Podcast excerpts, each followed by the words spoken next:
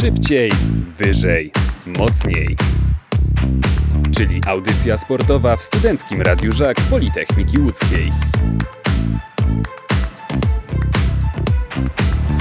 Na zegarach godzina 18.17 słuchacie Studenckiego Radia Żak Politechniki Łódzkiej, słuchacie audycji szybciej, wyżej, mocniej, a z nami jest już e, zapowiadany gość, czyli Tadeusz Mieczyński, e, redaktor naczelny serwisu skijumping.pl i jak sądzę człowiek, który właśnie spędza ostatni normalny weekend, następny podejrzewam, że za cztery miesiące. Czy dobrze liczę? Dzień dobry.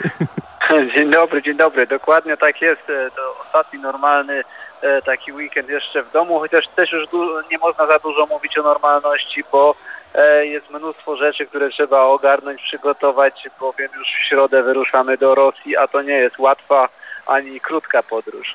No właśnie, o te emocje i nastroje chciałem zapytać, które panu towarzyszą w tych ostatnich godzinach przed rozkręceniem się tej pucharowej karuzeli. Czy to jest raczej takie właśnie niecierpliwe, radosne wyczekiwanie, czy dochodzi też właśnie jakiś taki stres, jakaś taka niepewność związana właśnie z tym dopinaniem spraw organizacyjnych?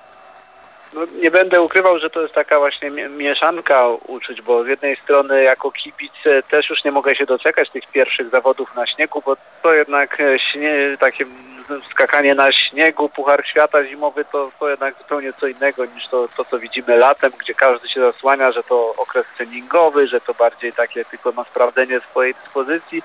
Natomiast no, jako tutaj właśnie e, redaktor naczelny serwisu mam mnóstwo spraw, które trzeba tak w ostatniej chwili jeszcze dopiąć, które jeszcze trzeba załatwić. A czasu jest naprawdę mało, no więc to, taki, to, to taka, taka prawdziwa mieszanka. No, trochę stresu i trochę emocji takich pozytywnych. Mieliśmy okazję rozmawiać, sprawdziłem, że prawie dokładnie rok temu na antenie Studenckiego Radia Żak Politechniki Łódzkiej i pamiętam, że no tak wspólnie rozmawialiśmy o tym, że e, ten zbliżający się wtedy sezon to była taka wielka niewiadoma, jeśli chodzi zwłaszcza o te procedury koronawirusowe. Ostatecznie, o ile się nie mylę, to może mnie pan poprawić, ale wydaje mi się, że udało się wam dojechać na wszystkie konkursy e, Pucharu Świata. Czy w tym sezonie wierzy pan, że e, ten sezon, te okoliczności będą już bardziej normalne, czy jednak wciąż będziemy oglądać te obrazki znane z ubiegłego koronawirusowego sezonu, czyli puste trybuny, wszechobecne maseczki, e, covidowe wykluczenia, zmiany w kalendarzu i tak. No, niestety chciałbym chciałbym wierzyć, że będzie dużo inaczej, ale nie zanosić się na to, że będzie to jakaś rewolucja czy powrót do normalności, bo no wiele z tych obostrzeń pozostało. Już jesteśmy, już jutro robimy pierwsze testy które musimy mieć, żeby w ogóle wjechać do Rosji. Tam na miejscu też kolejne testy na koronawirusa. No więc e, siłą rzeczy będzie wciąż sporo różnych takich niespodzianek, jakichś wykluczeń. Nagle ktoś nie wystartuje, ktoś będzie na kwarantannie. No, obawiam się, że tego nie unikniemy. Nadal też będziemy widzieć, e, czy jako kibic telewizji, te obrazki zawodników w maseczkach. Jest ta mała zmiana, że wreszcie będziemy mieć chociażby troszkę kibiców na trybunach w większości lokalizacji, to już e, sprawi, że ta atmosfera będzie trochę fajniejsza, taka bardziej prawdziwie sportowa, no bo jednak e, czym jest sport bez kibiców, bez tej wrzawy, bez e, okrzyków, bez, bez fanów, to trochę, no, no nie jest to to samo. brakuje też nam takie, tego, żeby kibice podchodzili do zawodników, prosili autografy, to wszystko tworzy, tworzy skoki narciarskie, i no, tego trochę nam brakowało. Miejmy nadzieję, że, że pod tym względem będzie lepiej, natomiast cały czas będzie to taka niepewność również dla nas, no bo faktycznie zeszły sezon udało nam się cały przejechać, być na każdych zawodach, no ale tutaj mimo tego, że jesteśmy szczepieni, e, no to jak widzimy cały czas, statystyki te koronawirusowe są no, nieubłagane, cały czas jest dużo tych zarażeń, zakażeń, i nawet jeśli to nie wiąże się z jakąś poważną chorobą e, czy po, poważnymi e, tutaj prze, przechodzeniem tego bardzo ostro, no to dla nas czy dla zawodników jest to po prostu wykluczenie powie, z jednego, dwóch, trzech weekendów Pucharu Świata, a to jest już bolesne. A jeśli chodzi o właśnie te kulisy organizacyjne uczestniczenia Was jako dziennikarzy będących na miejscu w zawodach Pucharu Świata, czy te zasady dla Was szykują się równie restrykcyjne jak przed rokiem? Myślę o e, ilości wykonywanych testów, jakimś konieczności utrzymywania dystansu, e, separowania, podziału na strefy i tak wygląda na to, że będzie bardzo podobnie, natomiast są takie drobne zmiany na, na, na korzyść naszą, na plus, to są takie między innymi, że ci, którzy, media, które są zaszczepione prawdopodobnie nie będą musiały przechodzić takich testów w trakcie, dodatkowych w trakcie tych weekendów Pucharu Świata, bo zarówno w zeszłym sezonie było tak, że na przykład na Mistrzostwach Świata w Oberstdorfie musieliśmy te testy robić praktycznie co 2-3 dni i było to bardzo obciążające zarówno jeśli chodzi o no, czas, pieniądze, jak i nawet no, po prostu było to, było to ciężkie. Teraz ma być troszeczkę mniej, bardziej mają to być tylko testy przed każdym weekendem, przed każdymi zawodami, ewentualnie gdzieś tam e, przed wyjazdem czy wjazdem do jakiegoś kraju. Pod tym względem będzie odrobinę lepiej, ale raczej nie zanosi się na to, żebyśmy no, wtedy ten dystans czy te, większość tych ograniczeń to wszystko ma raczej pozostać, czyli dalej będzie ciężko porozmawiać z zawodnikiem na skoczni, dalej będziemy mieć trochę ograniczony dostęp do, do różnych tam zakulisowych takich miejsc. No, nie, nie będzie to nadal takie fajne i przyjemne, jak to było przed e, pandemią.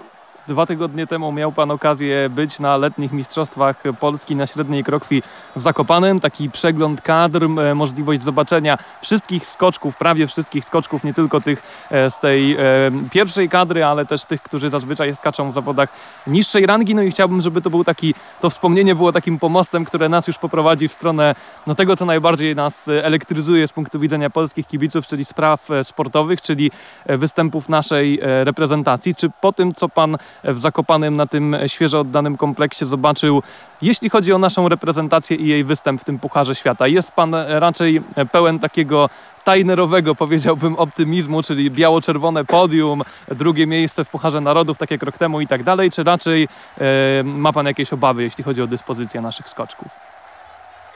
Te krajowe zawody, szczególnie Mistrzostwa Polski, nigdy nie dają tak naprawdę pełnej takiej odpowiedzi, jeśli chodzi o dyspozycję zawodników, no bo nie ma tych rywali z zagranicy, więc trudno tutaj odnieść się, czy na przykład nawet jeśli cała nasza kadra byłaby tutaj w ścisłej czołówce, no to czy to znaczy, że tak jest po prostu równy, słaby poziom wszystkich zawodników, czy wszyscy są w, w super formie, to naprawdę tru, trudno jest e, określić. Często też bywało tak, że nasi faworyci na Mistrzostwach Polski gdzieś tam zawodzili, czy to, to Kamil, czy Dawid, a następnie dwa dni później jechali gdzieś na turniej czterech skoczni e, i walczyli tam o, o, o najwyższe laury, więc e, naprawdę rzadko te zawody dają jakąś jasną odpowiedź, jaka jest dyspozycja tych naszych czołowych zawodników.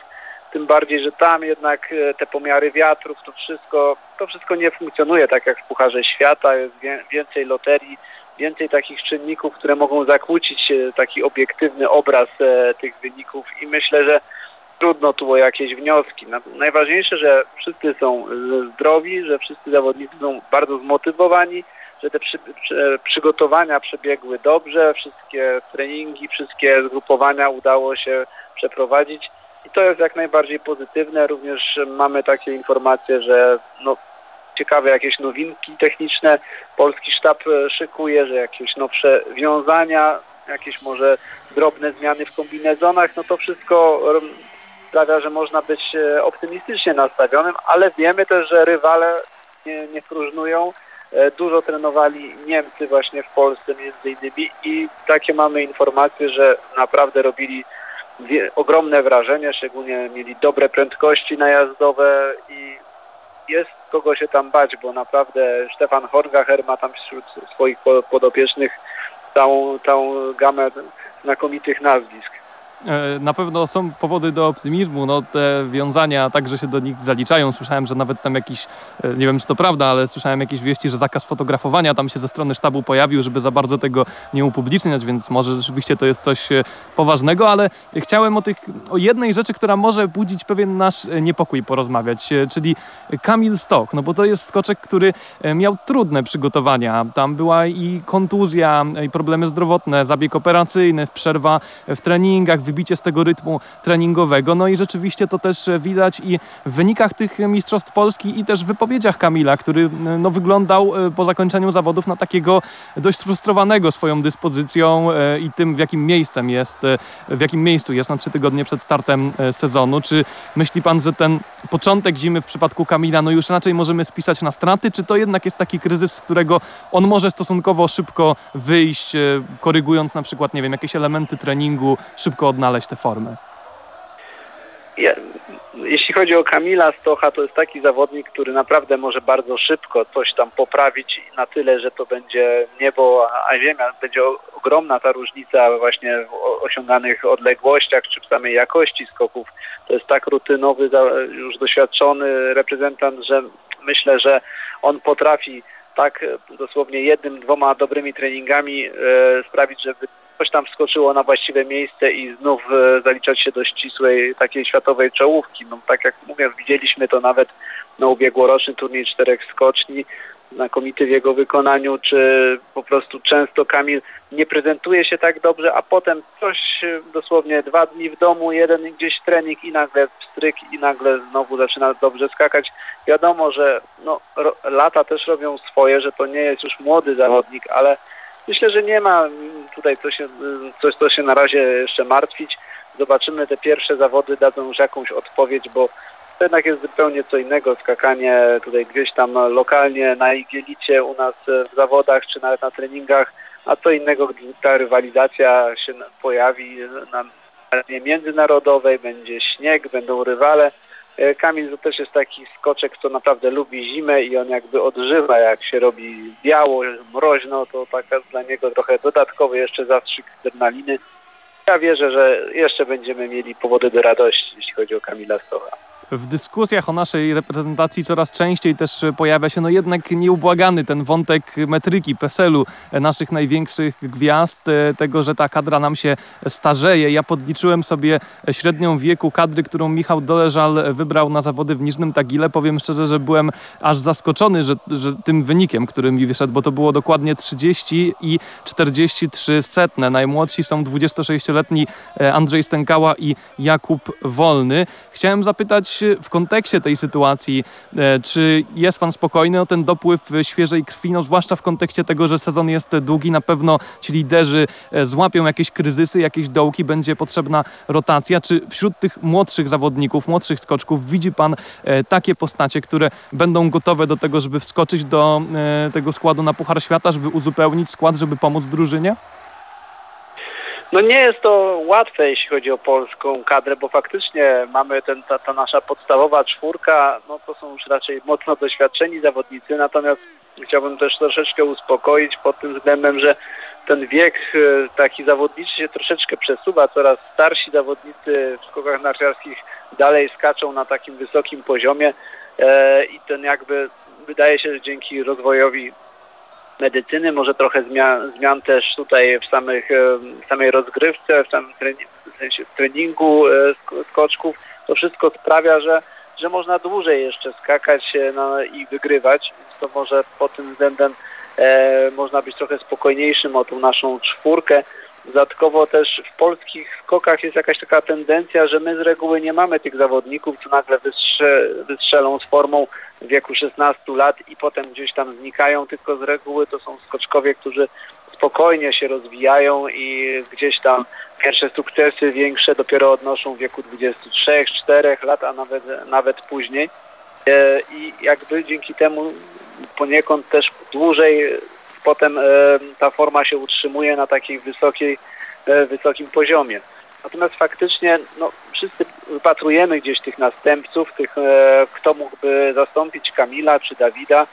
No i pojawiają się tacy pojedynczy skoczkowie. Nawet tutaj dzi dzisiaj i wczoraj w Falun w Szwecji był rozegrane zostały zawody FIS Cup już na śniegu bardzo dobrze się tam spisywał e, Habdas, to zawodnik, który naprawdę e, no, rokuje spore nadzieje i patrzymy na, na, na jego rozwój z dużym takim optymizmem.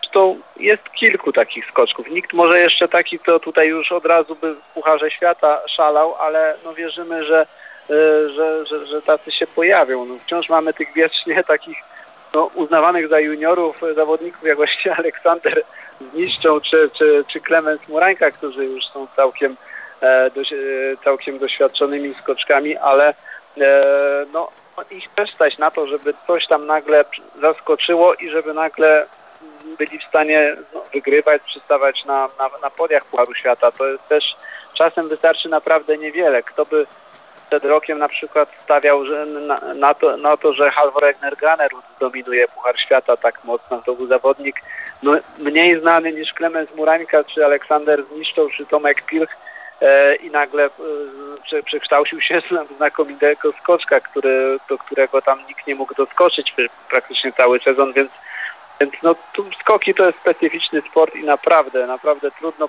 czasem coś powiedzieć o tym, e, kto nagle będzie skakał na super poziomie i czy nie zawsze to się wiąże nawet z jakimiś sukcesami na arenie juniorskiej czy na mm, zawodach dziecięcych, to często jest po prostu nagle ktoś łapie formę i staje się skoczkiem światowej klasy. No właśnie, ja wiem, że to jest e, no, zawsze trudny temat, bo e, te zawody letniego Grand Prix nie są mm, takim wiarygodnym probierzem e, potencjału skoczków, bo nie ma możliwości porównania różnych reprezentacji w jednych zawodach, no ale rozmawiając na tydzień przed pierwszymi zawodami Pucharu Świata, no nie możemy pominąć tego tematu największych faworytów tego sezonu. Przed startem tej karuzeli Pucharu Świata Paweł Borkowski zorganizował na Twitterze taką zabawę pod hasłem Gwiazdkowanie PS, która polegała na tym, że użytkownicy Twittera przyznawali gwiazdki e, skoczkom, których e, typują jako najsilniejszych w tym sezonie. Ja spojrzałem, jak wygląda e, czub tej klasyfikacji.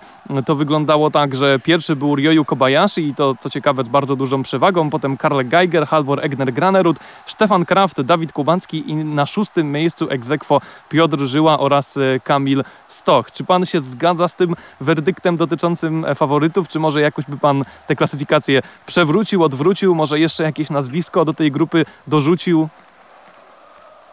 Faktycznie, no, e, o Joju Kobayashi ma, mamy tak sporo informacji, że jest w wysokiej dyspozycji, takie napływają e, różne wyniki z Japonii. No, widzieliśmy też, że dobrze skakał właśnie podczas tego finału letniego Grand Prix. Dużo, dużo przemawia za tym, że może tutaj być jednym z faworytów te, tej zimy. Trudno powiedzieć, jak będzie do końca prezentował się Halvor Egner Graner, bo po prostu, e, no wiadomo, rok temu zdominował, ale często na, na w kolejnym sezonie to już e, ciężko jest utrzymać taką, taki poziom skakania tak, zawodnikowi, ta, taką dominację. Niewielu jest w stanie 2-3 sezony być cały czas na, na, na, na topie. Czy generalnie to myślę, że troszkę bym się zgodził z tymi, z tą taką przynajmniej z tym samym czubem E, ale wciąż wierzymy na przykład, że jeszcze może tutaj namieszać na przykład Kuba Wolny, który jest bardzo ciekawym zawodnikiem, o ogromnym potencjale i wielokrotnie już mieliśmy takie sygnały od trenerów, czy gdzieś tam właśnie od Apoloniusza Trainera, że, że jest nagle w świetnej formie. Ciągle tego do końca nie może przełożyć na zawody, no ale widzieliśmy, był już e, teraz latem, no był nawet liderem letniego Grand Prix przez, przez, no, po, po konkursie w Wiśle, więc widać, że potencjał jest, możliwości są i być może w końcu nastąpi takie przełamanie zimą. E, jesteśmy, możliwe, że też e, któryś ze Słoweńców gdzieś tutaj zaskoczy, bo oni mają mnóstwo takich ciekawych oczków, którzy mogą, mogą tutaj nagle nagle, nagle się świetnie spi zacząć spisywać.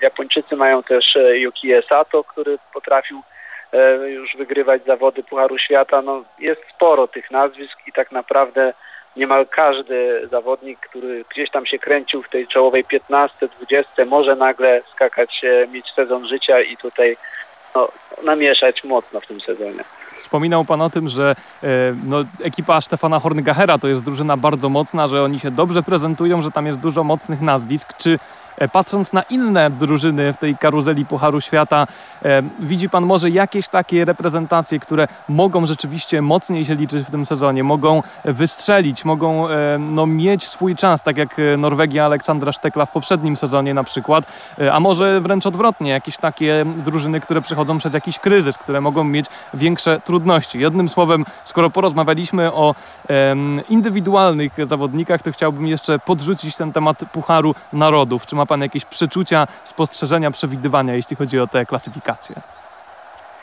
No, to, to, to, naprawdę jest też trudno przewidywać, ale być, przypuszczam, że tu się za wiele nie zmieni w stosunku do lat ubiegłych, że będą to właśnie oprócz Polaków mamy nadzieję, będą właśnie liczyć się Norwegowie, Niemcy, być może Austriacy, którzy w ostatnich sezonach tak troszeczkę zawodzili, ma, mieli też trochę tam zamieszania, jeśli chodzi o trener, zmiany trenerskie, no bo e, no, e, ciągle mu jakby przy, e, musieli tutaj trenować z nowym trenerem, co też się wiąże z jakimiś tam zmianami, jeśli chodzi o ten sposób przygotow przygotowań, więc może to miało jakieś jakieś znaczenie. Natomiast e, wierzę też, że Rosjanie tutaj mogą mocno zaskoczyć, bo hmm. to jest taki, nie, nie mówię, że mogą walczyć powiedzmy o Puchar Narodów, ale to, tam naprawdę idą szeroką ławą młodzi zawodnicy.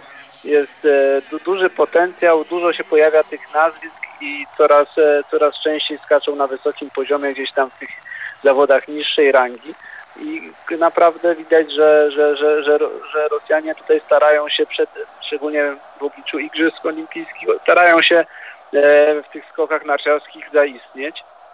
Zresztą no, są to gospodarze e, inauguracji Pucharu Świata, więc to też zobowiązuje.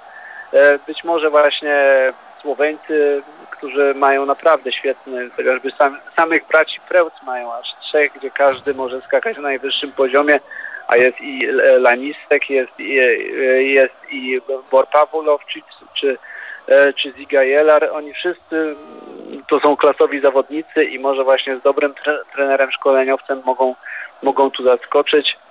E, no cóż, zobaczymy. No tych naprawdę tutaj trudno jest wróżyć coś, bo wszyscy, każdy ekspert będzie miał inne zdanie. Tak naprawdę dopiero pierwsze starty przyniosą jakieś odpowiedzi, a mówi się często, że właściwie E, dopiero gdzieś tam w okolicach e, Engelbergu, czy nawet turnieju czterech skoczni, dopiero wówczas to rozpoczyna się taki prawdziwy, normalny sezon. E, wtedy dopiero każdy skoczek osiąga taką w miarę optymalną formę i wówczas ta prawdziwa rywalizacja nabiera kształtu ten sezon, który rozpocznie się w przyszłym tygodniu w Niżnym Tagile, no to no nie ukrywajmy, będzie najważniejsza zima czterolecia, a to oczywiście z uwagi na Igrzyska Olimpijskie. Igrzyska Olimpijskie, które trochę jeśli chodzi o skoki, ciekaw jestem, czy pan się ze mną zgodzi, no wyglądają na taką jedną wielką niewiadomą, bo nie mieliśmy próby przedolimpijskiej, trochę nie wiadomo jak ta skocznia wygląda. Jedni twierdzą, że ona przypomina obiekt w Niżnym Tagile. Robert, Robert Hrgota, czyli trener Słoweńców, przekonuje, że podobna jest do skoczni w planie że tam słoweńscy inżynierowie mieli swój wkład te, w te obiekty olimpijskie. Czego spodziewa się Pan e, po tych igrzyskach, po tej rywalizacji w skokach narciarskich, e, po tej skoczni w Jiangchango, bo no zapowiada się nam, e, zapowiadają się nam na wyjątkowe naprawdę te igrzyska i z uwagi na lokalizację i z uwagi na koronawirusowe okoliczności, no i także sportowe. No właśnie te igrzyska to przyznam, my z perspektywy naszej jako mediów na razie tak z dużą ostrożnością i taką obawą traktujemy, bo naprawdę te różne informacje, doniesienia są bardzo, bardzo niepokojące. To, jakie tam organizatorzy planują zastosować obostrzenia, jakie zasady, to wszystko jest bardzo, bardzo rygorystyczne. E, no i mamy spore właśnie obawy. Przyznam szczerze, że nawet do teraz nie wiemy, czy, czy ja tutaj z Dominikiem Formelą, czy będziemy na tych igrzyskach, bo też kwestie akredytacji nie są jeszcze tutaj rozstrzygnięte. E, jeśli chodzi o ten aspekt sportowy, to też jest to taka wielka niewiadoma, no bo faktycznie nie było tam nawet żadnego sprawdzianu takiego przedolimpijskiego, natomiast jak każdy skoczek powie, że skocznia, e, jak jest dobra dyspozycja, to na każdej skoczni się dobrze skacze, więc e, pod tym względem przypuszczam, że ten sam obiekt aż tak wiele nie zmieni. To po prostu ci najlepsi z Pucharu Świata będą walczyć o medale. mamy tylko nadzieję, że w ogóle uda się przeprowadzić te zawody, że cała impreza się odbędzie, no bo to też jest ciągle niewiadoma, czy nie wiemy jak się potoczy ten, e, ten, ta, ta zima, jeśli chodzi o koronawirusa. Wiemy, że e, Chińczycy są bardzo, bardzo tutaj skrupulatni, bardzo rygorystyczni. Tam nawet e, podczas jakichś wizytacji FIS-u były no, bardzo stosowane bardzo rygorystyczne zasady, bardzo pilnowani byli ci goście, bardzo traktowani tak.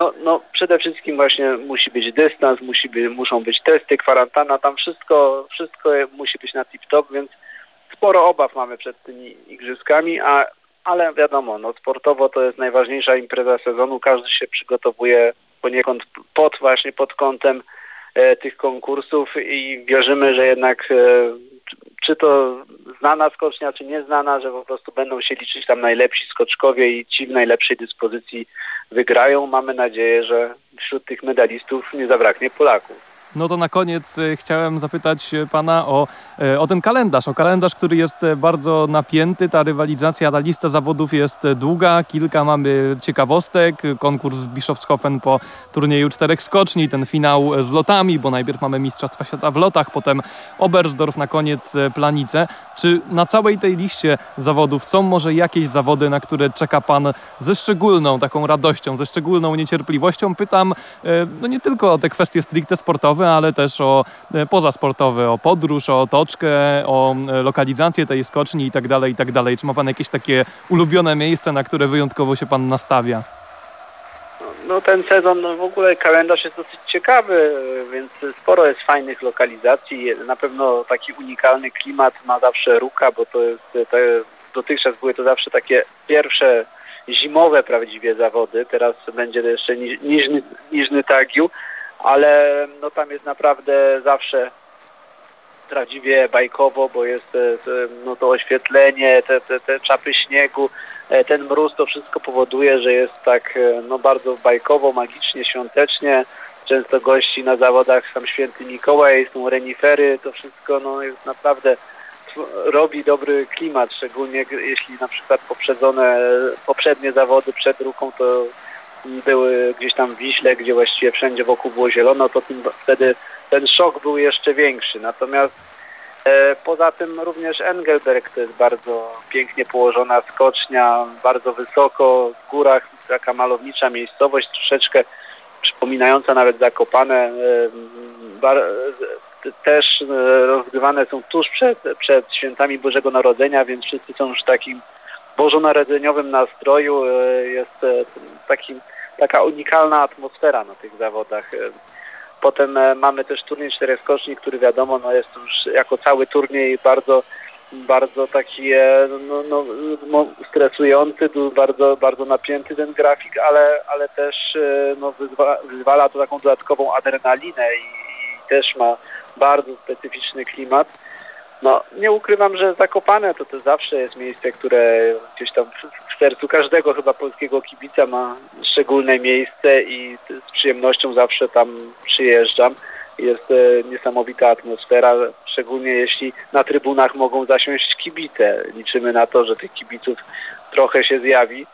No i oczywiście finał w Planity to też jest zawsze coś pięknego, taka prawdziwa wisienka na torcie po całym długim sezonie i też liczymy na to, że będą nam kibice i będzie taka atmosfera, jak pamiętamy przed e, laty, przed e, pandemią koronawirusa, że będziemy mogli tam oglądać piękne, długie loty i no, tą atmosferę poczujemy tak jak kiedyś piątek 16.30 kwalifikacje i w sobotę i niedzielę o 16.00 pierwsza seria konkursowa. Taki jest e, rozkład, taki jest plan, jeśli chodzi o pierwszy pucharowy weekend e, w Pucharze Świata w skokach narciarskich e, na skoczni HS 134 w Niżnym Tagile, a tam na miejscu będzie nasz dzisiejszy gość, czyli redaktor naczelny serwisu skijumping.pl Tadeusz Mieczyński.